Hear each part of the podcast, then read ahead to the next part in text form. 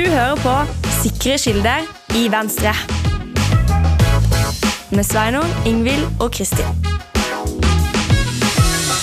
Du lytter til Sikre kilder i Venstre. Jeg heter Sveinung. Jeg heter Ingvild. Jeg heter Kristin. Og du, Ingvild, har du gjort noe spennende siden vi møttes for en uke siden?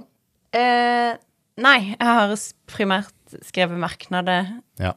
og den type ting. Og blitt eldre. Jeg har blitt ett år eldre. Eh, men ja, mest merknader. Jeg registrerer gledelig at, eh, at det blir en våpenhvile På gass. på Gaza. Eh, skritt i riktig retning, selv om ingenting er løst. Men det gjør meg iallfall glad.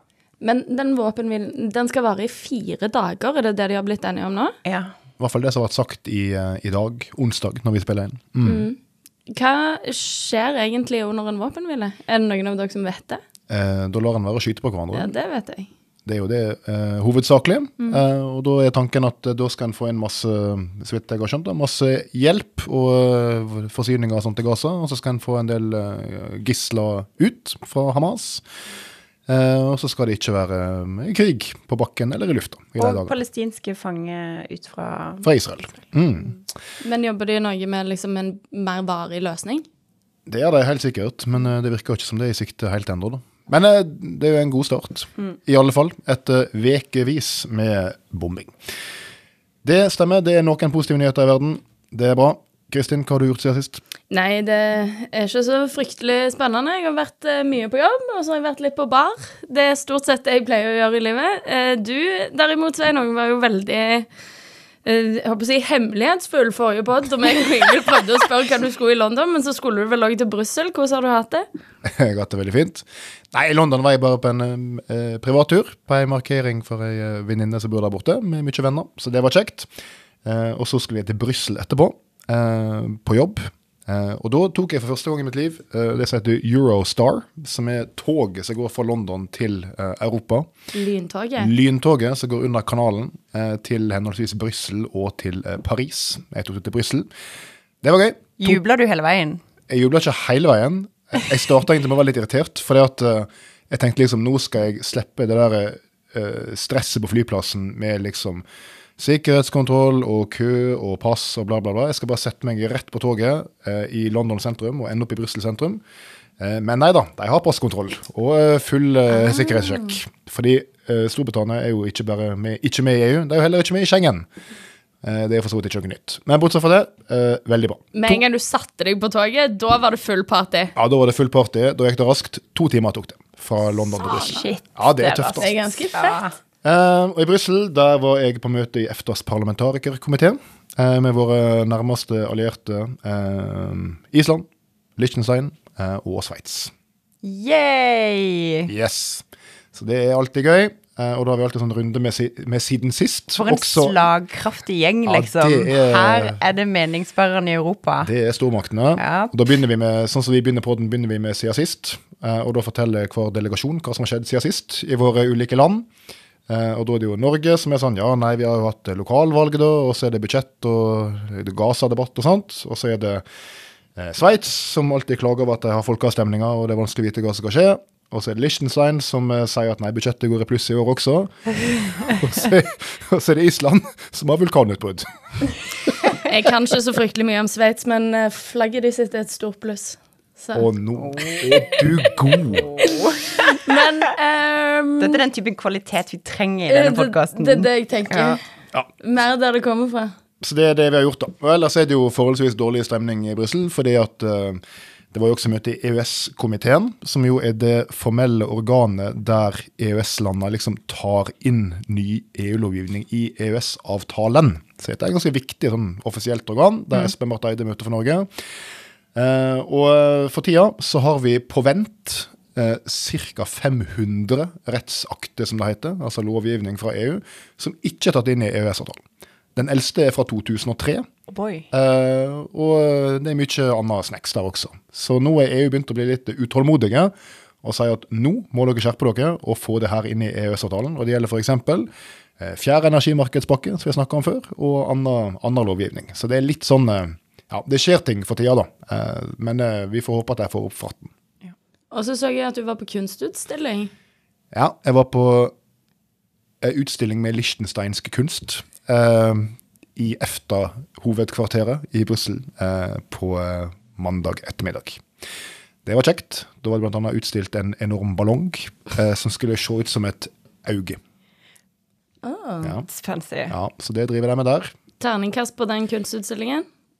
Ehm, nei, det, vi, vi fikk servert sånn der eh, champagne da, fra eh, fyrsten av Liechtenstein sin egen uh, vingård. Da heter det ikke champagne, faktisk. Nei, Bare musserende, da. nettopp, ja. Ja, De skrev noe champagne på flaska. fall. ja, men kanskje han har vingård i Frankrike? Ja, han sikkert. Han er i hvert fall veldig rik. Så det er meget mye. Nei, så det var bra. Kunsten var grei. Mm, så Og sånn, du, du er jo opptatt av at det er en slags merkedag i dag, Kristin. Jeg er opptatt av at det er en merkedag i dag. Ja. Det er 22. Det er ikke jubileum, november. for Nei, det har vi nei, blitt enige om. nei, nei. Det Ja. er ikke jubileum, det er markering, holdt jeg på å si. Det er 22. november, og det betyr at det er 60 år i dag siden John F. Kennedy ble skutt i Dallas. ja, Det er et uh, drap som jeg er veldig opptatt av. hvorfor det? Uh, egentlig så handler det om at når jeg var sånn kanskje 15 år, så var jeg på det som i dag heter for Sixth, uh, Sixth Floor Museum i Dallas, som er det gamle Texas School Book Depository. Ja, der jeg har vært. Altså selve faktisk. bygningen Ja, som ja. skuddene ble løst fra. Eller blei de det? Eh, eller ble de det? Ja. Jeg tror de ble det, altså. Eller blei de løst fra den der eh, Knollen. knollen Mm. eh, som var på andre sida av veien? Det er jo det store mysteriet. Men det var da jeg eh, var på det som eh, i dag er et museum, at jeg ble veldig sånn eh, opptatt av å eh, Ja. Opptatt av det drapet, da. Og i dag er det 60 år siden. Det var det første jeg tenkte på når jeg sto opp og så at det var 22. november i dag. Ja. Men er det sånn at du liksom da følger liksom konspiteorien? Altså, hva går den uh... Ja, absolutt. ja, OK. Mm. Ok. Uh, fun fact om John F. Kennedy. Han var den første amerikanske presidenten som ikke gikk med hatt. Ja. Ah. Og den trenden har fortsatt. Så de går fortsatt ikke med hatt. Men vi, så det betyr egentlig at mm, Ja Går de fortsatt ikke med hatt? Altså, Nei, jeg ikke har sånn- ikke sånn- nesten ikke sånn ikke daglig, sett Trump nei. uten caps. Ja, han går med caps, det er sant. Men, Ja. men han går ikke med sånn eh, tøff hatt, sånn som han gikk med i gamle dager. Caps er det nye. Hallo, har dere forresten sett eh, Dette bare så jeg i dag. At um, kronprinsparet har jo feira bursdagen sin, og det kosta to millioner. Og så sto det en sånn liste over ting de hadde fått i gave fra folk. Og stiftelsen Christian Radich, uh, tror jeg det var, som hadde gitt de uh, to eh, jakker og tre caps. da var jeg sånn Er det meningen at de skal slåss som den siste? Hva, hva er poenget? Ja, jeg syns i hvert fall at det var gøy. Wow. Av alle ting å få med seg. Det Jeg har er, Ja, dette har jeg fått med meg. Mette-Marit med caps, tror jeg. Eh, Men nå vil du det. Ja, åpenbart. Jeg vil se Mette-Marit med alt. OK, det hørtes super creepy ut. Jeg trekker det 100 tilbake. La oss gå videre. Veldig bra. Eh, vi har veldig spennende dager, som dere hører. Um, noen andre som har spennende dager, det er jo hun som for tida er på eh, statsbesøk på Taiwan, nemlig statsminister Guri Melby. Statsministerkandidat Guri Melby. Nå forskutterer du ting her. Ja. ehm, det som skjedde før helga, eh, det var jo at eh, eh, ingen ringere enn Johan Andresen, velstående mann Med to visler. Visler. Hunder, visler. Hunderasen. Å, ja. ja. Ja, nettopp. Mm, Ok. Ja, har, du, har du pass på hunden? Nei, selv, nei, nei, men jeg stiller meg veldig åpen til å gjøre det. Johan Andresen, hvis du hører på, her har du gratis hundepass. Ja, gratis hundepass. Uh, jeg tror neppe kostnaden er et problem eh, for eh, milliardær Johan Andresen, som var ute før helga. og eh, rett sett erklærte at hvis det skulle være behov for andre statsministerkandidater på borgerlig side, så har vi jo en her i Guri Melby. Som da Dagens Næringsliv slo eh, stort opp, eh, og spurte da herr Andresen ja, hva, hva er grunnen til det? Og så sier jo Andresen at eh, Venstre er det klareste liberale partiet med pragmatiske løsninger, som i den nevnte saken om økt støtte til Ukraina, sosialt entreprenørskap og privat innovasjon for å utvikle velferdsstaten til å inkludere flere, rusreform og klar forståelse for hva som trengs av rammevilkår for verdiskaping i privat sektor, forteller Andres. Jeg er helt enig med han, Her er en som har lest partiprogrammet. Absolutt. Bra. Men han fikk jo støtte fra flere. Ja ja, for da eh, kommer en ny milliardær på banen. Eh, hele Norges Stein Erik Hagen eh, slenger seg på, etter forespørsel fra DN selvfølgelig, og sier at sitat, om jeg skulle kunne velge, eh, vil mitt første valg være Erna Solberg. Jeg er enig med Johan at Guri Melby vil kunne være en god kandidat om fru Solberg ikke er kandidat. fru Solberg. Ja, Så eh, her er milliardærklassen ute eh, og vil ha ny statsministerkandidat. Guri Melby. Hva syns vi om det? Altså, herregud, selvfølgelig støtter jeg det. Ja. hva, hva, hva, hva tror du? Nei, men altså ehm, Bør et parti med uh, 6% oppslutning ha statsminister? Per nå 6 oppslutning. Ja, Ved neste presisering. valg så kommer vi til å være mye større. Hva gleder du deg mest til med statsminister Guri Melby sitt eh, eh, herredømme? Altså ved siden av all den fantastisk gode liberale og grønne politikken, tenker du? Ja. Ok, eh, sånn vi, da, da legger vi det til grunn. Det er det viktigste, det skjønner alle. At hun skal liksom eh, lage et uh, framoverlent og liberalt og raust eh, og grønt Norge. Så vil jeg si at jeg tror det blir veldig mye mer sånn karaokefest. Eh, og så, hvis jeg skal trekke fra Og eh, Guri er jo Taiwan, så hun kommer ikke til å høre denne podkasten, så da kan jeg si sånn skryt uten at det virker sånn kiss-assy. Ja. Ja. Eh, men jeg vil si at en av Guris aller beste lederegenskaper er at hun lar folk være veldig seg sjøl. Så hun hadde liksom da skapt et regjeringsapparat hvor alle kunne være seg sjøl.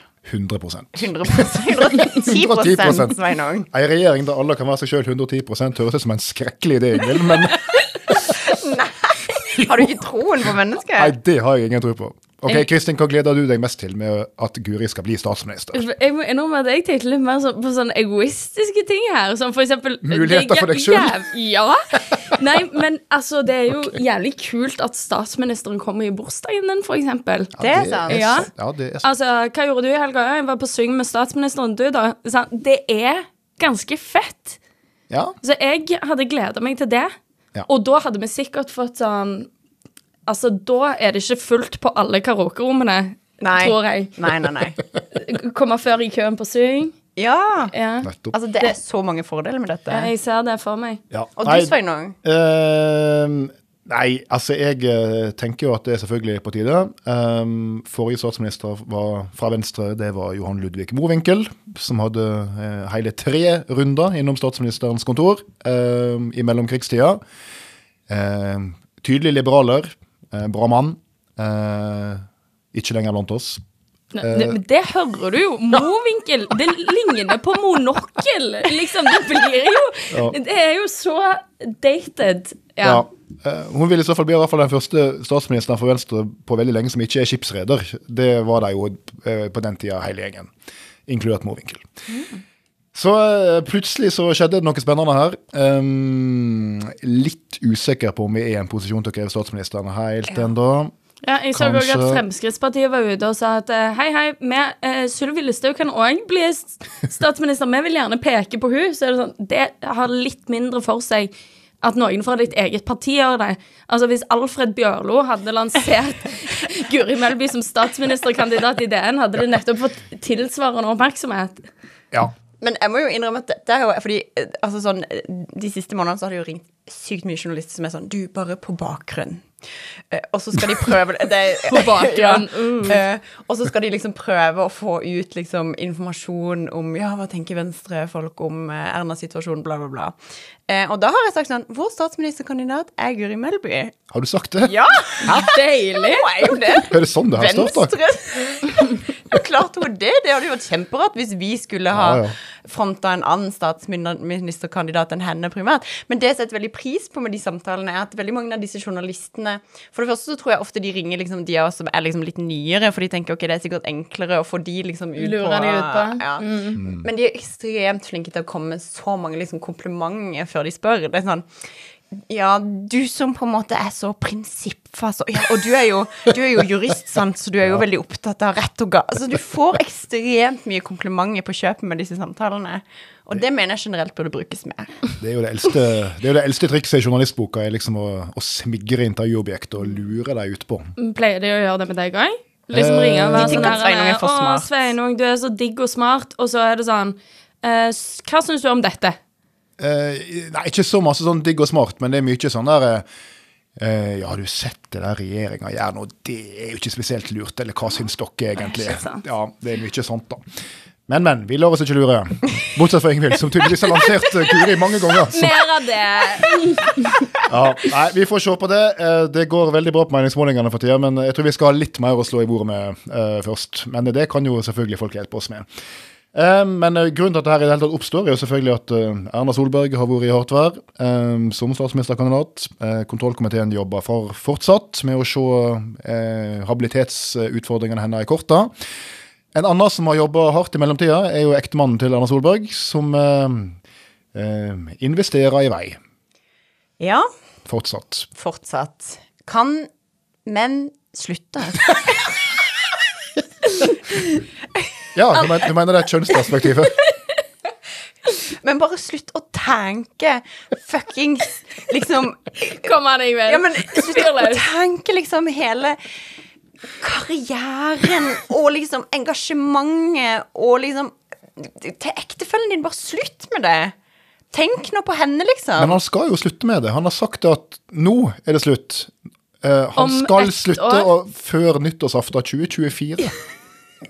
Bare slutt nå! Han skal bare daytrade i ett år til, og så skal han slutte med det. Men altså, jeg skjønner ikke. Nå var det sånn forrige uke, eller hva det var, så drev han og handla aksjer for sånn 400 000. Ja. Det, det, det Gjorde ikke du det? n- n- Nei. Nei. Men altså, hva Skjønner han ikke at dette kanskje ikke er liksom det lureste?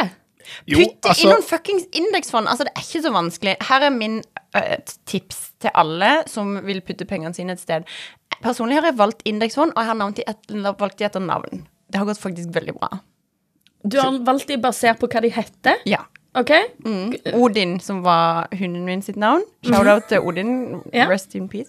Eh, det har gått kjempefint. Ja. Det kan han begynne med.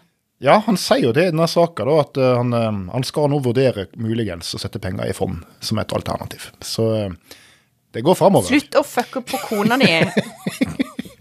Men uh, han sier jo da at eh, når dette her kommet kom fram i Dagens Næringsliv, at han uh, har fortsatt å investere masse i aksjer, selv etter alle høringene i kontrollkomiteen. Så jeg har lært mye av det som har skjedd, og ønsker nå bare å bidra til å rydde opp. Når alt kommer til alt, mener jeg det viktigste er at Erna blir statsminister igjen i 2025, og jeg kan drive med andre hobbyer enn aksjer. Ja, så det, det er det som er liksom Han trenger en hobby. Dette er hobbyen hans. Ja, han Ja, det er hobby. hobbyen hans, da. Ja. Men uh, da er jo spørsmålet kan det tenkes andre hobbyer en kan gi seg i kast med, som gir den samme spenninga i hverdagen, kanskje muligheten for stor gevinst, men ikke uh, sette ektefellen din i uh, en habilitetssituasjon. Har vi forslag? Jeg har Altså sånn rent umiddelbart så tenker jeg på to ting. Okay. Eh, det ene er tipping.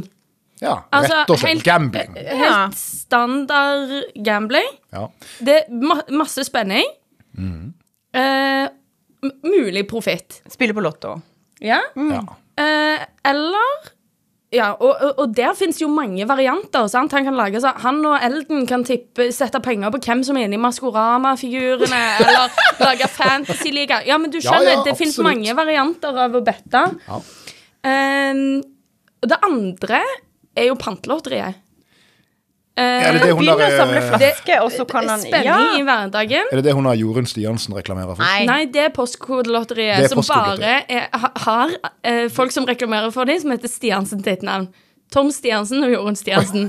Det er jævlig gøy. Det er ikke så jævla vanlig etternavn, faktisk. Jeg Så har det aldri, har jeg jeg har aldri skjønt hva det postkodelotteriet går ut på. Ikke jeg heller, men, eh, men Pantelotteriet det, det går også til en god sak. Nettopp. Så om, altså, det, hvis du taper, så får Røde Kors pengene. Jeg tror Ja. det er Røde Kors.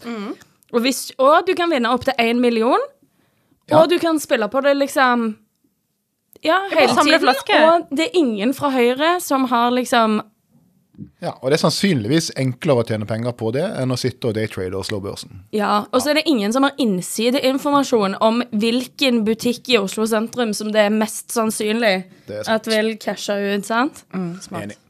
Jeg vil jo henge meg på deg og foreslå uh, at en mulig aktivitet for statsminister Gemala, uh, som vil ha mulighet for profitt og spenning, det er å spille på hest. Ja! Det uh, har jeg gjort uh, opptil flere ganger sjøl. og det som er kjekt med det, er at det er litt sånn som daytrading, at du kan tro at du har peiling, og lese deg litt opp, og liksom føle at nei, jeg tror nok det her er lurt å gjøre. Og så vil du nesten helt sikkert tape penger på det uansett, for det er alltid noen som kan mer om det enn det du egentlig kan. Så Men- det, det ligner veldig. En annen fordel med å spille på hest, faktisk, det er jo at det, det ligner litt på å plassere pengene i fond, fordi du gjør det jo basert på hva hesten heter. Ja, det er sant. Det er litt sånn som Ingvild sin Når du sitter sitter Ja, og ser på den der oversikten over hvilke hester som skal springe, og det er sånn her han er Blakken 1, 2 og 3, og så er det plutselig Fast Ass Speed. Du velger jo den, liksom. Men har hesten det fint? Om den har det fint, ja. Dette er ikke en Klart den har det fint. Dette er jo en hest som er verdt Den er verdt titalls millioner kroner for eierne. De behandler den jo som en uh, prins. Det er ikke sikkert. Nei, det Det fins mange dårlige travhester. Det, ja, for så vidt det. Men Det nei, det, sånn dette er en plass der eh, Altså, trav er en plass der hestene og dyrevelferden er i fokus, eh, Ingvild. Okay. I den grad at da jeg var på Bjerke sist og spilte på hest, så er det ett løp som er viktigere enn de andre. Så når en har vunnet det løpet, da får en liksom komme på sånn seierspall og sånt, og så er det en nasjonalsang. Så dette løpet, da, jeg husker ikke hva hesten og kusken heter, men kusken er i hvert fall fra Sverige. Eh, så de vant eh, løpet. Veldig spennende. Kom inn, fikk applaus. Så det er liksom, nå setter jeg i gang nasjonalsangen, og da venta jeg på at nå skulle du gamla, du fria ljome. Men det gjorde den ikke. For hesten var tysk. Det var den italienske nasjonalsangen som kom. Og så tenkte jeg, hvorfor i all verden er den italienske nasjonalsangen? Før jeg skjønte at hesten er jo italiensk. Så uh, dette er nok for deg og Sindre Finnes. Emil. Det er både dyrevelferd i fokus og store muligheter for spenning, og minimale muligheter for å faktisk vinne. noe. Jeg skal researche dette litt, altså hvorvidt det faktisk er god dyrevelferd. Ok, Siste råd til statsminister ektefeller som vil ha spenning i hverdagen. Har du et råd, Ingvild? Ok, um, jeg tenker sånn, hva hvis han bare begynner å plukke sopp til å spise, liksom? Ok, for nummer én. Ja. Eh, Sånn som når du leter etter sånn morkel og sånn? Ja. Nummer én, du må lese deg jævlig godt opp på liksom hvilken type sopp du kan spise. Nummer to, det er skikkelig gøy, du kommer deg ut, det tar tid, liksom. Det er jo tydeligvis det han trenger, liksom, noe som tar tid. Pluss risikoen i det er jo at du potensielt sett kan plukke noe som er giftig, og forgifte deg sjøl. Hvis ikke det er spennende, så vet Ja, ikke. Hva mener du? Jeg har gjort det. Jeg har forgifta meg sjøl med sopp. Ja. Så det, nå hver gang du skal spise sopp, så er du sånn Å, dette er spennende. Dør jeg i dag? Fortell om når du forgifter deg sjøl med sopp. Nei, men jeg tror muligens at det må ha vært en sånn um, giftslørsopp blant uh, traktkantarellene jeg plukka. Jeg ble veldig syk, uh, måtte på legevakta. Levera mi likte det ikke, men det gikk helt fint. ja. Ok, For risiko. da har vi tre gode innspill til alternative hobbyer for uh, Sindre Finnes og andre som eh, trenger spenning. Um, og apropos uh, um, menn i politikken uh, som uh, blir kritisert for inntektsstrømmene sine, så har det vært liv i Oslo også denne veka, Kristin. Ja. Avgående Fy faen, skal du ta opp det? Fy faen!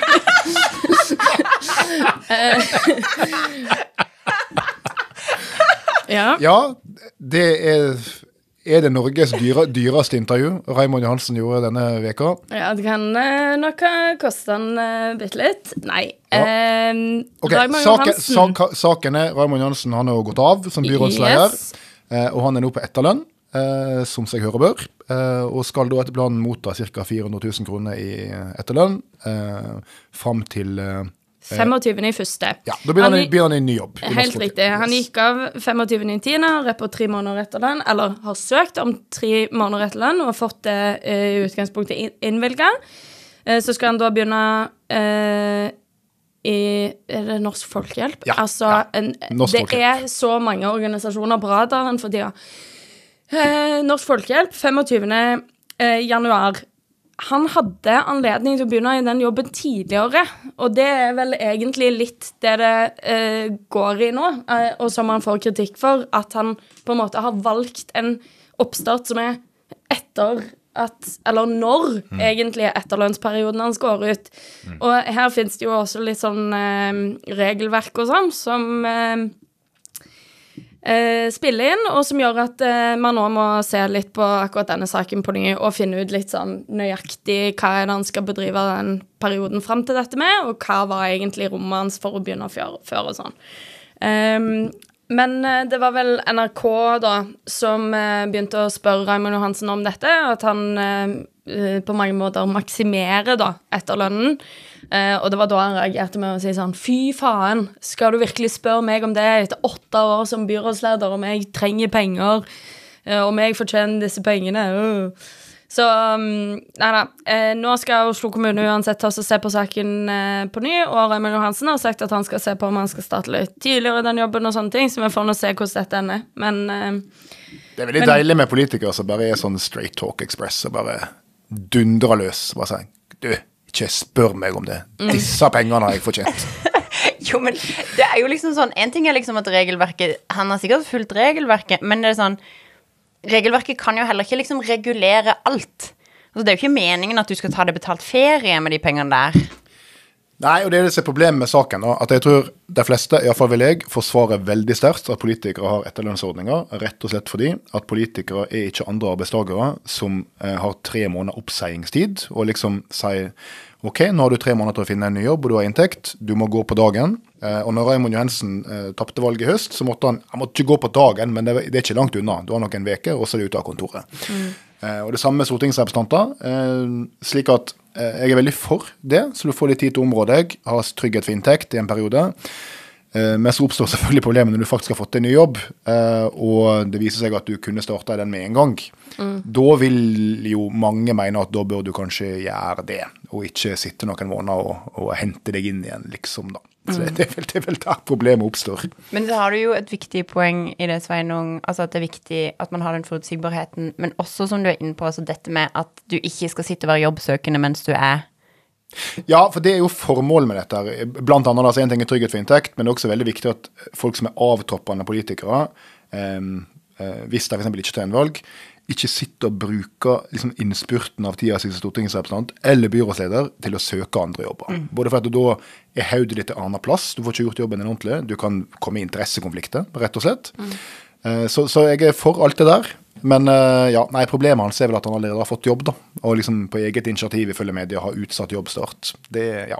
Men eh, vil han da miste pengene? Hva sier Oslo kommunes representant her? Nei, altså, og det vil jeg bare si. Dette er ikke noe jeg skal avgjøre.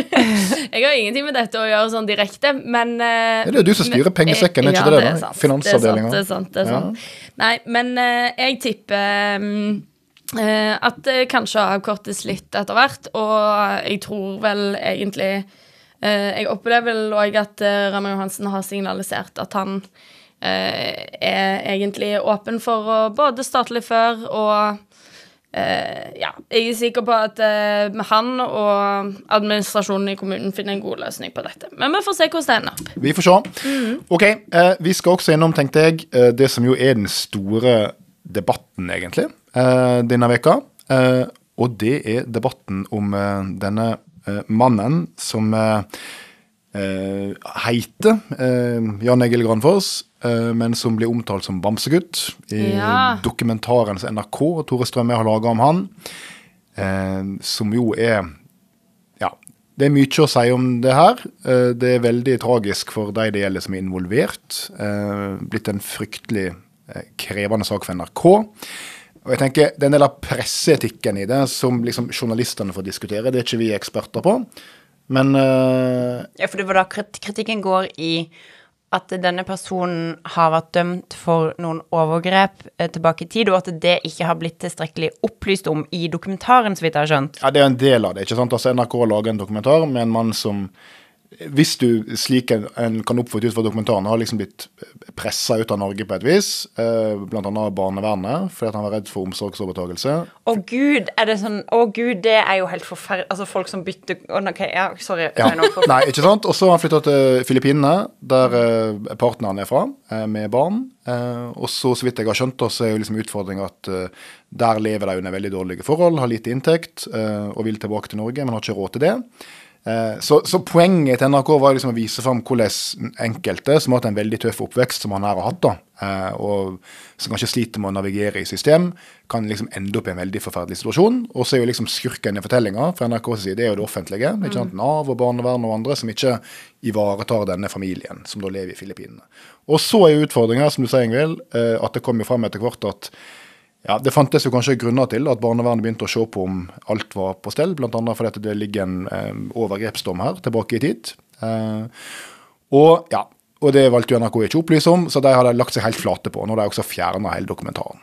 Så det, det er jo greia. Men det er, grunnen til at jeg ville nevne det her, det er ikke fordi vi er noen eksperter på presseetikk, iallfall ikke jeg, men det er ei side ved den dokumentaren som jeg syns var ganske gjenkjennelig fra eh, politikerståsted, som er ganske krevende med sånne ting. Og det er at journalistene sin ryggmargsrefleks, som selvfølgelig er mye positivt med, det er å ta parti med den svake mot systemet, de som føler seg dårlig behandla av det offentlige, og liksom løfte deres sak.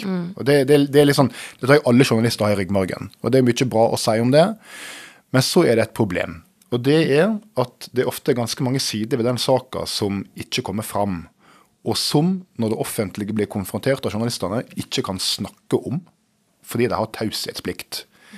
Eh, og det er jo noe som da NRK ble utfordra på, ikke sant? Fordi at eh, eh, de eh, snakker jo om ikke sant, at her er det jo mange som har viktige utfordringer til det offentlige. altså Han mannen sin advokat og, og andre som føler at her har han ikke blitt godt nok ivaretatt av Nav. Og Så spør jo da Aftenposten, som gjorde et intervju med NRKs etikkredaktør, så spør de han. Men eh, burde dere ikke utfordre de litt også, altså kildene i saka? Eh, de som mener at systemet her har svikta. Og Da svarer NRK sin etikkredaktør at eh, eh, dette er jo eh, folk som har erfaring med systemet. eh, de er aktører som vil fremme sin kritikk. Og så sier han man kan jo alltid spørre om de som kritiserer systemet burde få kritiske motspørsmål. Men det er jo ikke vanlig å stille krav til dem uten makt som kritiserer dem som har makt. Og jeg synes ikke at det skal stilles som et krav i en sånn sammenheng. Og det mener jeg er en sånn total kortslutning. Eh, fordi at jeg tror mange journalister har tenkt sånn i mange saker. Og da er utfordringen at det er ikke alltid at de som i hermetegn har makt, altså systemet, eh, kan belyse saker fullt ut i media. Eh, typisk fordi det ligger en straffedom til grunn som du ikke kan omtale, eller oppførsel fra vedkommende som du ikke kan omtale. Eh, og grunnen til at jeg tar det opp at Dette har jeg sett litt fra innsida fra forvaltninga da jeg var i regjeringsapparatet. Eh, fordi da, er det, da er det mange som enkeltsaker som dukker opp, som jeg selvfølgelig ikke kan nevne her, for da vil du identifisere folk. Men der eh, liksom mediefortellinga er veldig sånn Her er en person som har blitt eh, eh, dårlig behandla av systemet. Og Det er veldig vanskelig for eh, Nav eller politiet eller hvem det måtte være å svare dette ordentlig ut, for de kan ikke si alt, rett og slett. For det, det er hensyn til barn, det er hensyn til helse, det er hensyn til ja, det ene og det andre.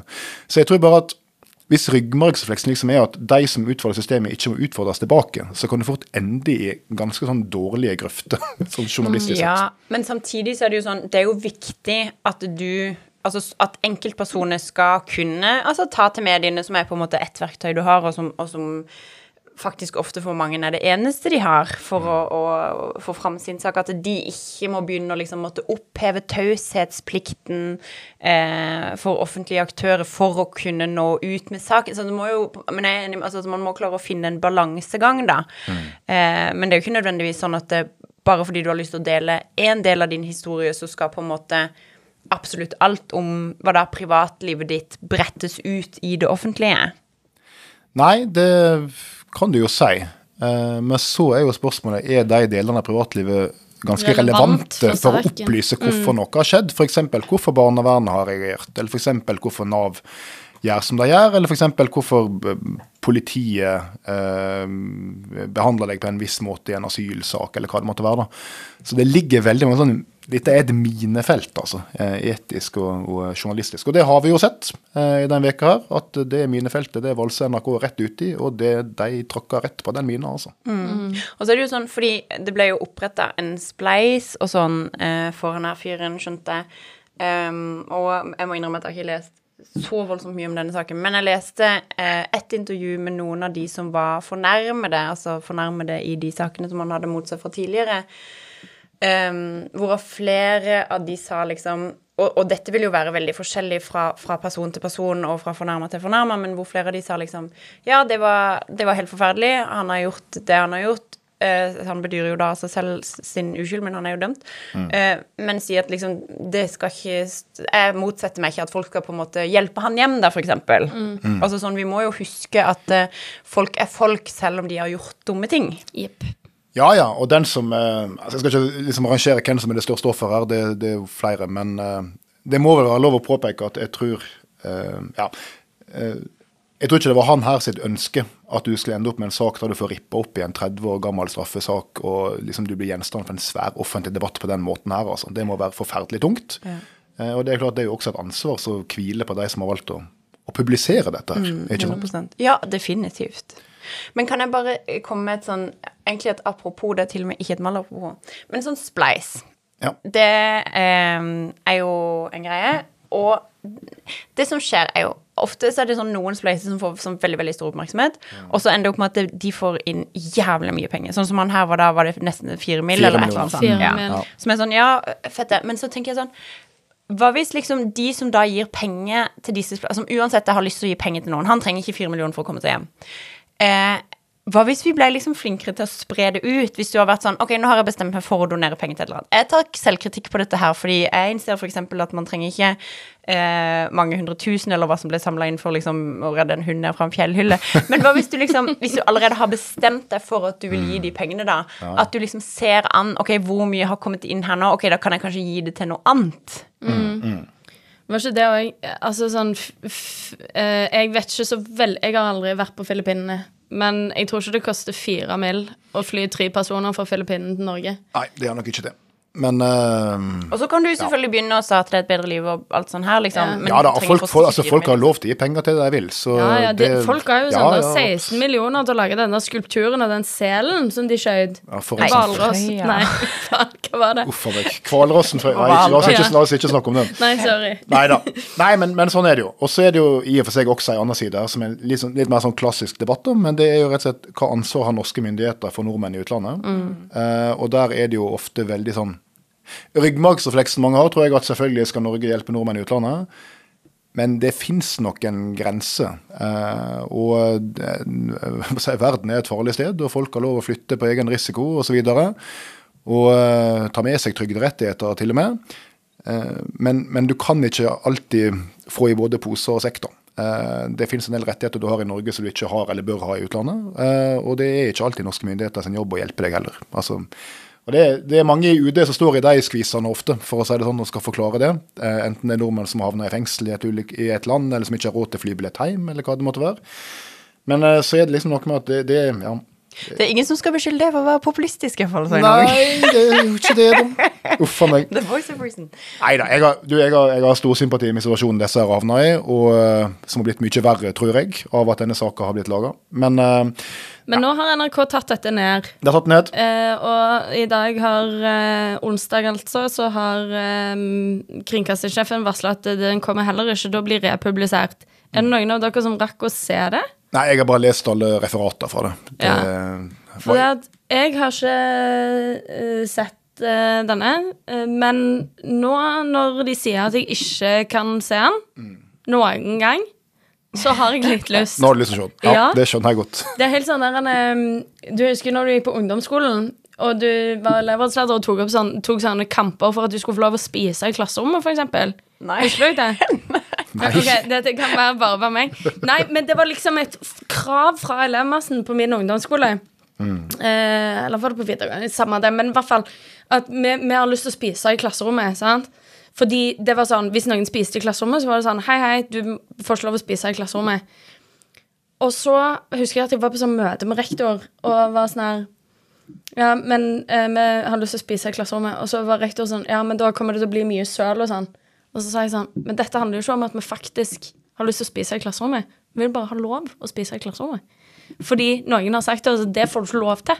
Så du vil egentlig bare Jeg, jeg har ikke noe behov for å se Ja. denne dokumentaren. Ja. Men når Vibeke Fyrst Haugen sier til meg det fins en dokumentar som du aldri får lov å se, så har jeg lyst til å se den. Ja. Det skjønner jeg veldig godt. Ja. Ja, ja, absolutt. Og, det, og dette er jo også en helt egen diskusjon som er litt krevende presseetisk. og det er Når skal du avpublisere Ja, jeg innser at jeg ikke tok det- en presseetisk Nei, du har litt mer sånn basic instinkt-tilnærming til det. Yes. Um, da uh, tror ikke vi har så veldig masse tid igjen. Men vi må nevne en siste ting, Sveinung, for det Ja. nærmer seg jo jul. Ja, det er jaggu meg snart advent. Tenk det. Tenk på det. Og da må vi jo aldri glemme at hver jul så skal vi ha en runde med The War on Christmas. Ja. Ja, Er den i gang igjen? Den er i gang, og til og med på Stortinget. For da, på mandag, så registrerte jeg at i uh, kafeen så er kakepersonene tilbake. Jeg registrerte det gledelig. Så de, tenkte å, så hyggelig, fint, uproblematisk, fett. Yes, Dette er da klassikeren der uh, stortingsrestauranten legger ut uh, kakemenn og skriver uh, på skiltet 'kakepersoner'. Ja. Ja. Som jeg tror de gjør mest fordi de syns det er gøy at folk blir sure for det. De har jo til og med sagt at de bare syns at det er en morsom gimmick. Ja, det er jo litt ja, men det er jo helt uproblematisk. Who the fuck cares, liksom? Svar. Jenny Klinge. Tyranni, kaller du det for. Ja, hun er ute i år igjen. Hun er ute i år igjen. Ute i år igjen, ja, Det er et er kjønnsnøytralt tyranni som foregår for tiden. Ja. Intet mindre. Intet mindre. Oi. Hun eh, mener at hun ser humoristisk på saken, men hun mener samtidig Høres ikke sånn ut. Tyranni. Dette er humor. Altså, dette er Og så har de jo da eh, Har de intervjua flere stortingspolitikere i saken. Dette er en Dagbladet-artikkel. Eh, hvor de fleste da syns at dette er helt eh, uproblematisk. Lan Marie Berg kom med en bra diss. Ja. Hun sier rett og slett Jeg klarer ikke å hisse meg opp over dette. Jenny Klinge har tydeligvis mer tid enn meg. uh, Begge to har tydeligvis tid til å intervjue denne saken, så jeg, jeg vet ikke helt hvem som disser hvem, men uh, den er grei. men altså, vi må jo uh, Nå er jo det en stund til, selvfølgelig. Vi skal jo en del ting eh, ha noen episoder før det. Men vi må jo lage julespesial også i år. Ja, Og da tenker jeg at vi kan jo kjøre en sånn For i fjor så var jo du særlig, Svein, litt sånn eh, skuffa over at uh, The War on Christmas liksom uteble. Nå Nå er han allerede i gang i november. Det er jo veldig bra. Jeg føler liksom disse tingene har roa seg litt, da, men nå er det tydeligvis i gang igjen. Ja, Ja. og kanskje vi i år liksom kan, kan få en ordentlig War on Christmas igjen, og så kan vi liksom oppsummere det litt i julespesialen vår. Er det det liksom din drøm om hvit snø? Er din drøm om liksom War on Christmas-tilstander? Nei, jeg drømmer bare om hvit snø. Åh. Jeg gleder meg. Eh, skisesongen er snart i gang. Eh, men vi får komme fyldig tilbake til juledekninga og momse oss julepersoner i eh, mellomtida. Um, nei, ikke julepersoner. Kakepersoner. Kakepersoner. Ja. Ok, det har vært en lang dag på Stortinget. Jeg tror vi får rulle inn. Um, det var det. Du har hørt på Sikre kilder i Venstre. Takk for oss. Ha det. Ha det. Ha det.